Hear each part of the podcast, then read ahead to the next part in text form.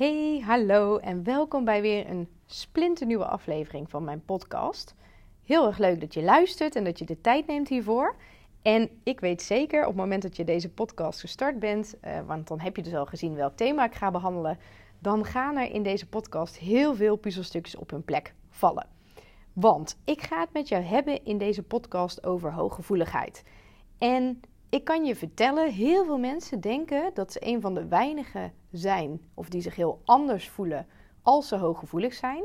Terwijl 9 van de 10 mensen die bij mij in de praktijk komen, zeggen hooggevoelig te zijn. En sterker nog, dat klopt vaak ook.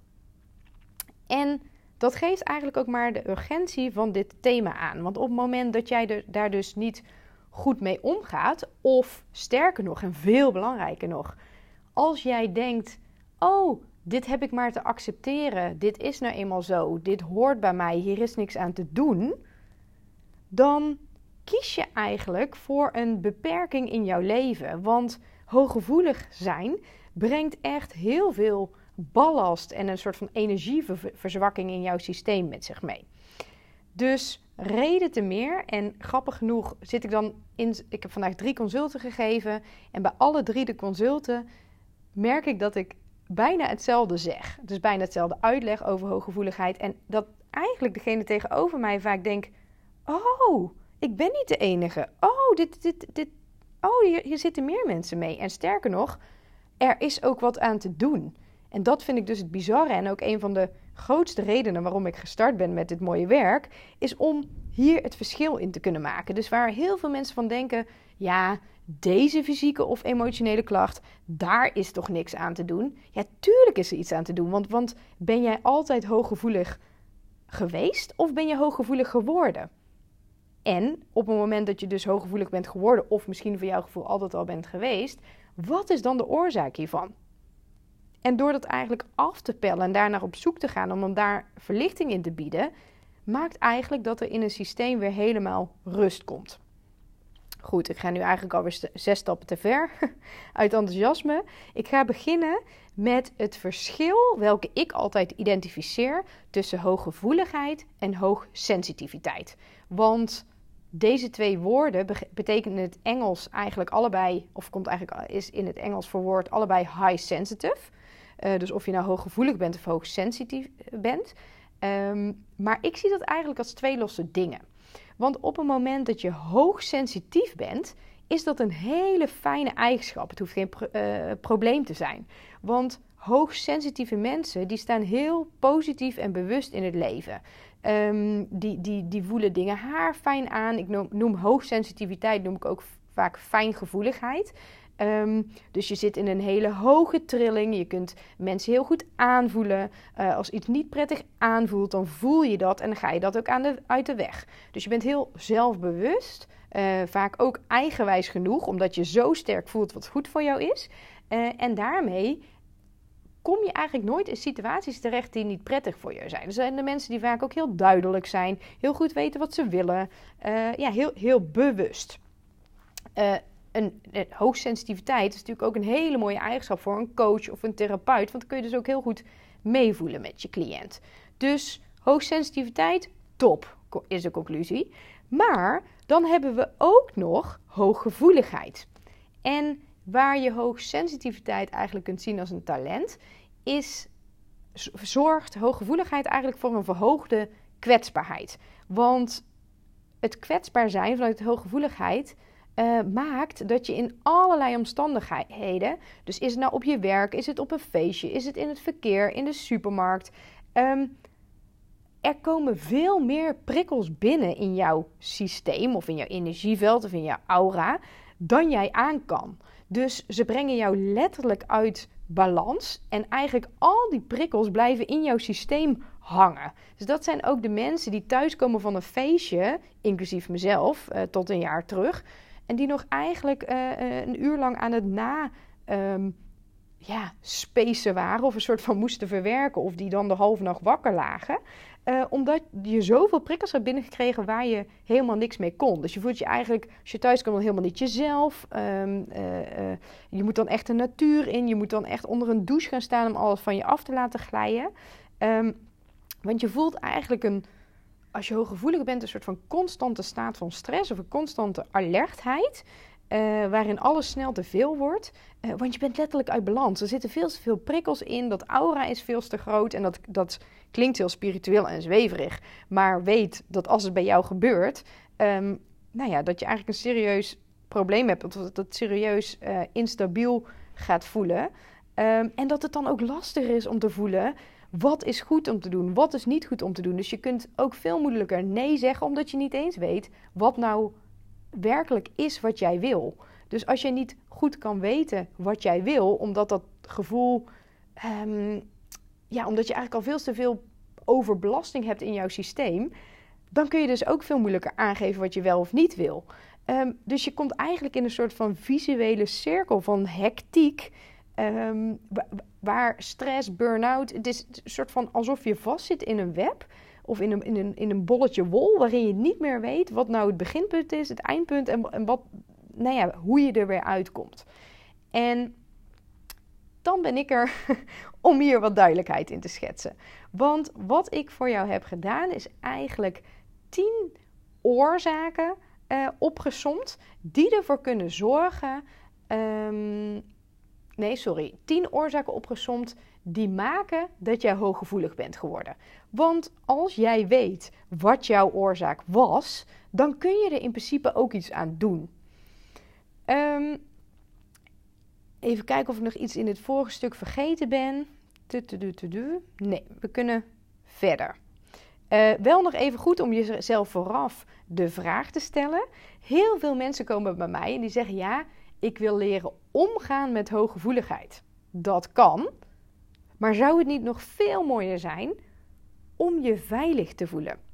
Want als jij je veilig voelt, als jij rust hebt in je systeem, als je geen stress ervaart in de basis, hoef je überhaupt helemaal niet hooggevoelig te zijn. Dus stel jezelf de vraag: wil je leren omgaan met de hooggevoeligheid? En is dat voor jouw gevoel het hoogste doel wat je kan bereiken?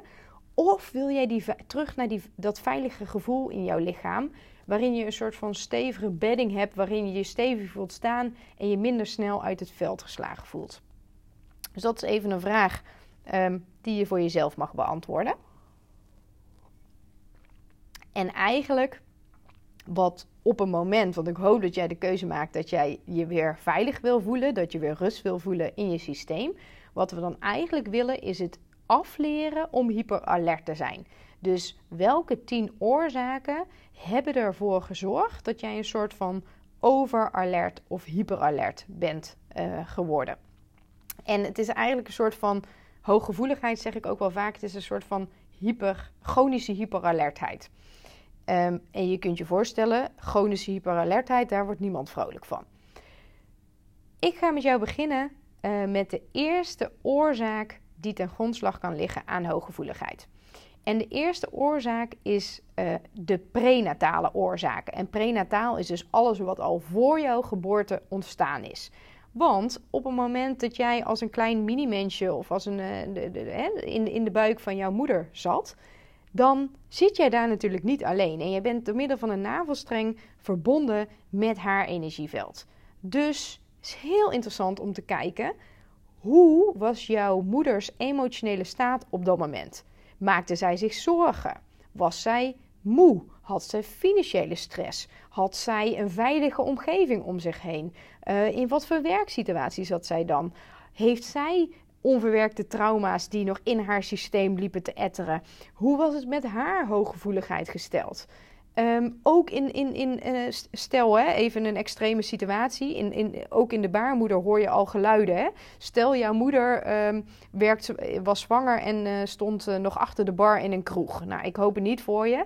Maar dan al die geluiden, al die prikkels, al die, dat geschreeuw bij wijze van.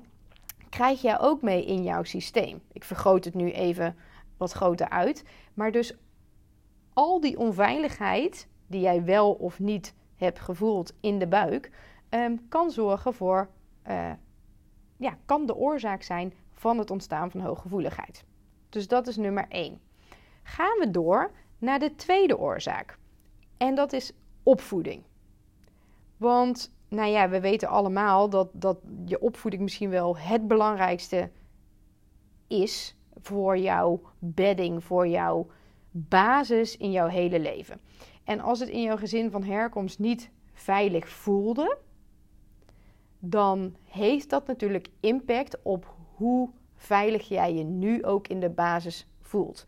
En ik wil je even een kleine nuance aanbrengen, want veilig, als het niet veilig heeft gevoeld, wil het niet zeggen dat het niet veilig was dat heeft natuurlijk altijd te maken met jouw emotionele realiteit. Dus het kan nog zo zijn dat, dat, dat jij super lieve ouders hebt gehad. Dat, dat, dat ze het maximale voor jou wilden. Dat ze optimaal voor jou gezorgd hebben. Dat ze bescherming hebben geboden. Maar dat ze jou bijvoorbeeld op emotioneel vlak niet genoeg ondersteuning hebben geboden. Dus dat ze gewoon eigenlijk altijd zeiden: Nou, uh, niet, zo, uh, niet zo huilen. Uh, uh, niet, niet zo huilen, Sabine. Gewoon even opstaan. Gewoon even doorgaan, bij wijze van. En dan heb je dus eigenlijk die emotionele stabiliteit niet gevoeld. Dus dat kan ook onveilig zijn. Dus het hoeft niet zo te zijn dat jij per definitie dan uh, mishandeld, misbruikt of, of uh, gepest bent. of nou ja, gepest komt zo meteen. Um, het kan ook in de kleinere dingen zitten. Maar natuurlijk, op een moment dat er woede-uitbarstingen spelen, een, een verslaving, hè, alcoholverslaving, wat dan ook, um, kan daar een, een, een angst of een alertheid bij een kind ontstaan. Um, ook kan bijvoorbeeld een tekort aan liefde of aandacht of een andere basisbehoefte uh, meespelen, waarin de ouders hebben gedacht alles te geven, en dat hebben ze ook gedaan. Het, een ouder geeft in mijn ogen altijd het hoogst haalbare, um, maar misschien was het voor jou niet genoeg. Maar ook voelde jij je wel begrepen op dat moment. Want het kan zijn dat je een super liefdevol gezin had, dat er heel veel aandacht voor je was. Maar op het moment dat jij je altijd een buitenbeentje hebt gevoeld of er niet bij hoorde, kan ook als onveilig voelen. Dus dan heb je ook een bepaalde bescherming vanuit het gezin eigenlijk gemist. Ehm, ja, dan kan ook nog de band tussen de ouder en het kind niet veilig zijn. Ehm, en ja, dat is eigenlijk weer een hele andere dynamiek. En daar kun je natuurlijk ook van alles uh, bij voorstellen. Dus de tweede um, oorzaak is dus eigenlijk de onveiligheid. Of hè, dus de stress die een opvoeding met zich mee heeft gegeven, die de hooggevoeligheid veroorzaakt. Dan gaan we door naar de derde. En dat zijn sociale oorzaken van hooggevoeligheid. En dat is eigenlijk bijna hetzelfde als stap 2, maar dan mag je hem ietsje breder zien. Dus uh, dan gaat het ietsje breder dan jouw opvoeding alleen. Um, want dan gaat het eigenlijk over jouw totale sociale omgeving en wat jij daar um, aan prikkels hebt ontvangen. Dus stel, jij bent best wel een klein beetje gevoelig, maar gewoon hè, eh, een beetje gevoelig of hoogsensitief, wat eigenlijk allemaal prima is. Dan kan het dus zijn dat de emoties van anderen jou raken. Dus stel, um, jouw. Uh, jouw vriendje maakt een, een, een, een flauw grapje of, of een familielid die vertelt iets wat jij niet begrijpt. Uh, je wordt uitgelachen of je krijgt straf terwijl je niet begrijpt waarom. Uh, dan ga je eigenlijk steeds gevoeliger worden. Waarom? Omdat jij voelt pijn bij iets wat jij niet begrijpt en jij denkt: hey, ik moet nog alerter zijn. Ik wil dit de volgende keer zien aankomen, want ik wil dit gevoel nooit meer voelen. Dat doet jouw onderbewustzijn eigenlijk automatisch. Dus eigenlijk um, zet jij jouw voelsprieten vol aan. En daar kies je dan ook bewust voor om af te tasten hoe anderen in een vel zitten, hoe anderen in de wedstrijd zitten, om een soort van het gedrag te kunnen voorspellen. En dan, ja, dan, dan ben je eigenlijk een soort van de organisator van je eigen ondergang als het gaat om jouw gevoeligheid. Um, gaan we door naar de vierde. En dat is trauma. En trauma is eigenlijk een lichamelijke of een uh, psychische beschadiging in jouw systeem. Um, en eigenlijk alles wat zo groot is of zo intens, wat jij niet hebt kunnen verwerken, dat geeft natuurlijk stress en onveiligheid. Want wat ik eigenlijk ook altijd zeg vanuit NIJ, hè, dus vanuit de neuro-emotionele integratie, alles wat je met je rechter zelf voelt, wat je met je linker zelf niet kan verwerken, dat zet zich vast in jouw systeem, onderbewust op celniveau. En dat zet zich eigenlijk steeds verder vast. Um, En dat kan natuurlijk zijn uh, um, een, een, ouder verliezen, het ziekte, het bed wat heel ingrijpend is van, van een naaste, maar ook je been breken, ook het gekleineerd voelen, het mishandeld voelen. Um, het kunnen allemaal trauma's zijn die te groot zijn om te verwerken. Um, wat natuurlijk ook stress in jouw systeem oplevert. Hè? Want alles wat zit te sudderen in jouw systeem, um, zet zich vast. Dus angst, bijvoorbeeld, angst voordat iets nog een keer gebeurt, angst voor, dat, uh, voor iets wat je hebt meegemaakt, uh, um, dat zet zich ook om in stress. Uh, onveiligheid. Dus je, je bent de hele dag alert en je ervaart een soort van constante stress in jouw systeem, chronische stress. Um, dus dat is de vierde oorzaak ervan. Een andere oorzaak van hooggevoeligheid is gepest worden. Dat is nummer 5. Ehm, die lijkt op de voorgaande, um, maar ik denk dat die groot genoeg is om als losse kop eigenlijk aan te duiden. omdat het toch best wel een veel voorkomend uh, nou ja, probleem wel is in de maatschappij. En mensen kunnen letterlijk gepest zijn, maar je kunt je ook gepest voelen zonder dat je gepest wordt. En wat je natuurlijk gaat doen als een automatische reactie op het moment dat je gepest wordt of je gepest voelt, dan ga je je dus uh, voorbereiden op elke nieuwe aanval. En ook daarvan uh, ga je steeds alerter, ga je steeds meer voorbereid willen worden op wat komen gaat. Dus ook in deze speel, speelt angst, uh, stress, zet zich vast in je lijf, is een hele belangrijke oorzaak uh, van hooggevoeligheid. Dan gaan we door naar nummer 6. En dat is emotionele uitputting. En dat is ook een veel voorkomende die hooggevoeligheid kan veroorzaken. En emotionele uitputting die ontstaat vaak als jij langdurig in een heftige situatie zit, waarvan jij eigenlijk ook weet dat het nog wel even gaat duren en dat je geen keus hebt om eruit te stappen.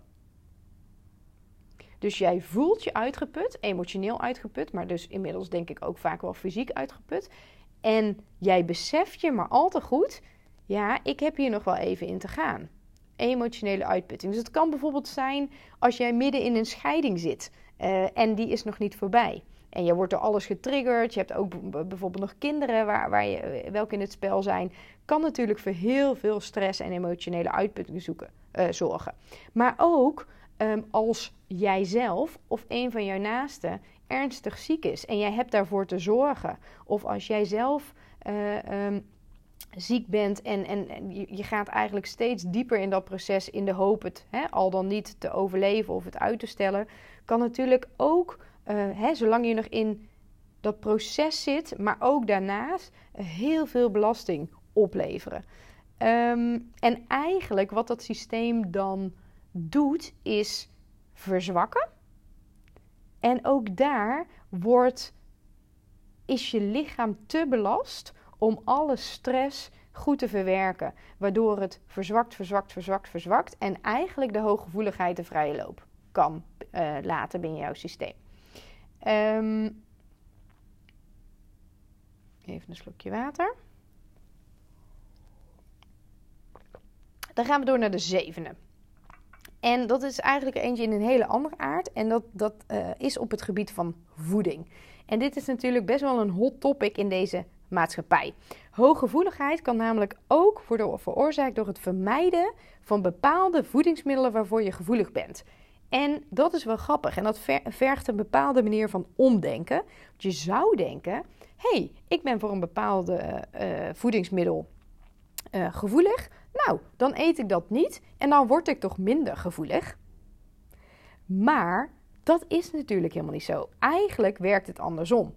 Want op het moment dat jij bijvoorbeeld weet, ik ga niet lekker op brood. En jij voelt dat aan alles in je lijf. Uh, en het voelt onveilig als het ware. Dan word je eigenlijk steeds gevoeliger voor het brood. En wat voor jou eigenlijk niet goed voelt, wil je vermijden. Maar als je dus die voedingsmiddelen vermijdt of laat staan waar jij last van hebt, dan word je dus ook steeds gevoeliger.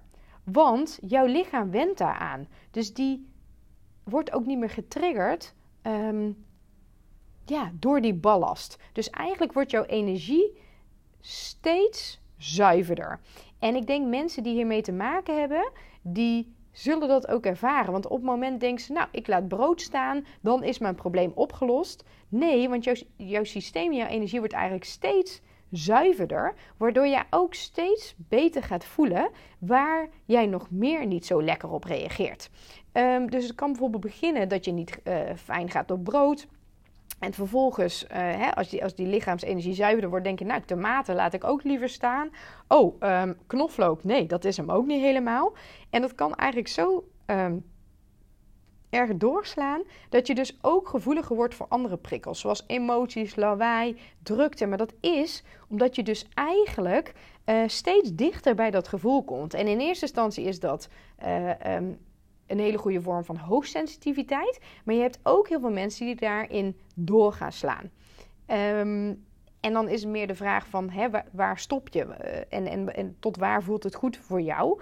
Maar het voelt dan soms voor die mensen alsof ze geen weg meer terug hebben, omdat um, ja, die instabiliteit dan op heel veel vlakken gaat spelen. Niet alleen op voeding, maar ook op geluiden, ook op uh, lawaai. Nou ja, dat, dat het op allerlei vlakken gaat optreden. Dus dat is er ook eentje om in de gaten te houden. Um, de volgende, straling. Uh, straling hè, kun je hebben van uh, uh, je mobiele telefoon, je tv, je computer, wifi, de magnetron, maar ook je koelkast, je meterkast. Allerlei dingen um, die straling afgeven en waar je gevoelig voor kan zijn. En ik vind dit wel een hele interessante, want stel je zet zes mensen op een rij voor een televisie. E laten we er even vanaf uitgaan dat ze allemaal op dezelfde afstand zitten. Dan um, zitten zij allemaal voor dezelfde uh, televisie. Dus in principe ervaren zij allemaal dezelfde mate van straling. Maar toch is het zo dat de ene persoon daar meer last van uh, heeft dan de andere persoon. Dus het kan zijn dat de ene allerlei lichamelijke en psychische klachten gaat aangeven, omdat dat aura al verzwakt is, omdat dat systeem al verzwakt is. Dus op het moment dat jij dan bijvoorbeeld voor een televisie zit of voor een computer of, of voor, eh, bij een meterkast in de buurt of bij een wekkerradio slaapt, uh, dan komt er dus een soort gevoel van onrust in jouw lijf. Onrust en dus ook stress. Je slaapt slechter, uh, daar krijg je alleen nog maar meer stress van. Dan uh, kom je eigenlijk dus ook weer in een soort van negatieve spiraal van straling, niet slapen, onrust, nog meer stress. En eigenlijk word je dan steeds gevoeliger, gevoeliger, gevoeliger. Um, terwijl jij niet weet dat de oorzaak ligt bij straling. Dus dat is ook een hele belangrijke om in de gaten te houden. Dan gaan we door naar de negende. En um, dat is een vrij spirituele. Dat gaat over incarnatie en het eigenlijk het helemaal aangaan van het leven en in je lijf kunnen zakken. En dat gaat er eigenlijk over dat um, nou ja, wij ons als mensheid best wel ontwikkelen. Um, en dat er ook echt wel een heleboel mensen zijn die zich zo ontwikkelen als ziel. Dat ze steeds zuiverder worden, dat ze steeds gevoeliger worden. Dus en dan wel het sensitieve stuk, dat het bewustzijn vergroot wordt, dat de zintuigen gevoeliger worden.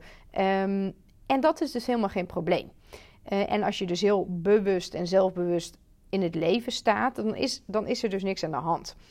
Maar het kan dus wel zo zijn dat deze zielen bedenken van, oh, in een volgend leven uh, wil ik eigenlijk terugkomen en een soort van iets doen voor deze wereld. Dus Um, ze, ze, willen eigenlijk licht en liefde komen brengen. Ze willen uh, dieren redden, mensen ondersteunen, whatever. Ze willen iets eigenlijk terugbrengen in, ja, op deze wereld. Maar dat is dan een heel mooi iets wat je bedacht voordat je op deze aarde komt. Maar in deze aardse energie is dat toch allemaal wel net even iets anders. En dan kan het dus best wel eens tegenvallen. Um, en het is wel even belangrijk om het uitgangspunt te maken dat, dat ik geloof vanuit mij. Um, dat op het moment dat je geboren wordt, dat je dan ook nog bepaalde herinneringen hebt uit een vorig leven. Of uit hè, voor, generatiebelasting, maar vooral vorig levenbelasting. En dat, daar heeft dit stuk heel erg mee te maken. Dus het is als het ware dat jij met een bepaald idee hier in het leven bent gekomen om hè, bepaalde um, idealistische bedoelingen hebt om te brengen. Maar op het moment dat je dan eigenlijk in dat aardse leven komt, dan valt het allemaal nog wel eens vies tegen. En dan is het allemaal best wel zwaarder dan bedacht. En dan kan het dus best wel tegenvallen. Um, waardoor mensen eigenlijk denken: oh, maar uh, eigenlijk had ik dit helemaal niet gewild. Of die voelen een soort van teleurstelling of spijt. Of misschien wel een soort van tegenslag van: van wil ik het überhaupt wel op deze manier? Uh, en dat kan dus ook weer stress veroorzaken. En dit, dit, zijn best wel, dit is best wel een, een stap die op het moment dat je hier niks mee hebt, uh, dan of zou er juist wel eens iets onder kunnen zitten, of um, dan zal dit ook niet ja, een van jouw oorzaken zijn uh, die ten grondslag liggen aan hooggevoeligheid. En dan komen we aan bij de laatste, en dat is de tiende, en dat is autisme. En wat autisme in mijn beeld van de wereld eigenlijk is, is dat het aura groter is dan bij de mensen zonder autisme. Want kinderen of mensen überhaupt met autisme, die ervaren de wereld eigenlijk veel anders. Hè? Dus ze zien veel meer details en ze zijn het overzicht snel kwijt. En ze zijn vaak ook sociaal veel onhandiger. Um, omdat ze gewoon niet zo goed aanvoelen wat een ander denkt, wat een ander voelt, wat een ander wilt. Um, en ook communicatie met woorden um, gaat minder makkelijk bij ze. Dus zij merken ook dat ze anders zijn en dat ze zich anders voelen en dat ze buitengesloten voelen. En zij denken dat het aan hun ligt, dat zij het verkeerd doen of dat, dat het toch nooit goed genoeg is. Um, en die mensen zitten vaak ook in een visuele cirkel. Want autisme, die, die, die hebben überhaupt al dus een, hè, een groter aura. Dus die krijgen al veel meer prikkels binnen. Um, waardoor ze dat niet goed verwerkt krijgen. Hun aura weer groter wordt. Uh, weer een groter energieveld. Weer meer prikkels binnen. Wat ze ook al niet goed verwerkt kreeg, uh, krijgen. Want dat kregen ze eigenlijk al niet. En dan kom je dus eigenlijk in een visuele cirkel die eigenlijk steeds heviger en heftiger wordt. Um, nou, is niet meteen de gezelligste om mee af te sluiten. maar het zijn wel dus eigenlijk de negen, of sorry, de tien stappen uh, die ik heb geïdentificeerd als oorzaken van jouw hooggevoeligheid. En nu zul je denken, leuk om te weten, maar ja, hoe kom ik erachter welke oorzaak op mij van toepassing is? Er zijn eigenlijk verschillende opties voor. Sowieso loop alle tien de opties of de oorzaken eens voor jezelf door. En ik denk al door te luisteren dat je uh, wellicht bepaalde al hebt weggestreept voor jezelf. Maar ook van bepaalde denkt van... hé, hey, maar hier kan echt best wel eens wat... Uh, ja, hier zijn best wel wat raakvlakken met mijn eigen jeugd. Of met mijn eigen... Um, nou, herinneringen die ik heb... die niet helemaal goed verwerkt zijn. En bewustwording doet hem dan sowieso al heel erg goed. Dus dat je gewoon beseft van oké, nou ik heb daar best wel um, nou, bepaalde emoties niet helemaal goed in verwerkt. Sowieso het, het herbeleven of er nog eens over nadenken of het nog eens een keertje opschrijven kan al vaak heel veel rust brengen in jouw systeem. Op het moment dat je echt denkt van ja, maar dit belemmert mij zo en ik, ik wil dit echt bij de kern gaan aanpakken, dan is het werken met je onderbewustzijn en dat kan op wat voor manier dan ook. Hè. Dat, dat kan door middel van een, uh, een familieopstelling, dat kan door middel van uh, um, uh, een pendel, dat kan door middel van, van spiertesten. De, um, BMR-methode is ook een hele goede. Of dus met de nijmethode, wat, welke ik dus toepas. En wat je daarmee eigenlijk gaat doen, is binnen die hooggevoeligheid, dus eigenlijk uittesten en uitmeten, welke van de tien oorzaken is van mij op uh, van toepassing. Sorry. Dus welke heeft prioriteit om gezien te worden? En wat is voor mij de, de grootste oorzaak van het ontstaan van mijn hooggevoeligheid? Wat we dan gaan kijken is welke emotie eh, roept dit op in jouw huidige leven, in jouw huidige situatie? Wat voor emotie voel je daar nu bij? Maar ook wanneer is de eerste keer dat jij dit hebt gevoeld. Dus wanneer is dit gevoel ontstaan? Wanneer is dus eigenlijk ook die hooggevoeligheid en die hyperalertheid ontstaan? En op het moment dat we dan kunnen uitmeten welke emoties jij daarbij voelt, welke ehm, eh, organen daarbij vast zijn gaan zitten, dan kunnen we door middel van de biotensor, als we dat hebben uitgetest en als we dat naar boven hebben gehaald, kunnen we dat ook gaan integreren in jouw systeem. Waardoor we eigenlijk dat oude trauma of die oude situatie opnieuw kunnen gaan verwerken in jouw systeem. Dus wat je op dat moment met je rechtercel hebt gevoeld, maar met je linker niet hebt kunnen verwerken, waardoor je een soort van lading in jouw systeem hebt vastgezet, kunnen we dat alsnog gaan vrijmaken en laten stromen. En vervolgens is het dan nog wel even belangrijk om ook echt goed te kijken: hè, van, van kunnen we dat, dat aura nog steviger neerzetten of kunnen we nog uh, zorgen dat je steviger staat vanuit nu. Uh, die linker en die rechter herself goed verbinden. Waardoor je um, vanaf nu eigenlijk alles wat je binnenkrijgt ook weer beter kan verwerken. Want anders lossen we wel bij wijze van alle, alle oude shit, even heel plat gezegd, op. Uh, maar ga je aan de voorkant weer, weer, weer nieuwe problemen creëren. Dus we zorgen eigenlijk dat die deur aan de achterkant wordt dichtgezet. Maar dat je aan de voorkant ook goed beschermd bent. Um, en dat is dus een hele fijne methode om die hooggevoeligheid eigenlijk aan te pakken. En um, schiet me ineens te binnen, dus ik ga het je nog wel even zeggen. Driftbuien bij kleine kindjes hebben heel vaak ook te maken met hooggevoeligheid. En ik denk dat je nu eigenlijk zelf wel uh, ook aan jezelf kan uitleggen waarom.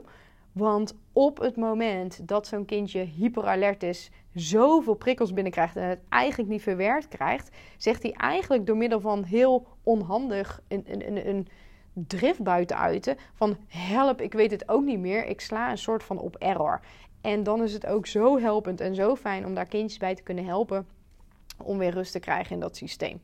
Um, maar goed, ook natuurlijk volwassenen, want, want zeker op het moment dat je alweer wat ouder bent, of althans geen kind meer, um, stapelen soms ook wel de situaties zich op. Hè? En dan, dan, dan kun je dus ook denken van ja, ik hoor nu tien oorzaken, uh, maar volgens mij kan ik uh, vijf boxes aanchecken. Nou, dan is het dus wel echt eens goed om te kijken van oké, bij waar zit nou de werkelijke oorsprong? Waar is het nou echt ontstaan? En misschien vallen alle anderen dan wel weer weg voor jou. Dus het is al een hele mooie om daar eens bewust naar te gaan kijken en om mee aan de slag te gaan. Um, ja, en ik hoop dat ik je in de middel van deze podcast uh, aan het denken heb gezet en weer een stapje in de goede richting uh, heb kunnen sturen. Ik ben heel benieuwd om natuurlijk even te horen van je hoe je dit hebt ervaren. Um, dus dat hoop ik heel graag eventjes van je te horen. Ik hoop je weer wat handvatten te hebben geboden. En als er nog um, iets is waar ik je mee op weg kan helpen of op weg kan sturen, hoor ik heel graag heel even van je. En ik wens jou een hele fijne dag en super bedankt voor het luisteren weer.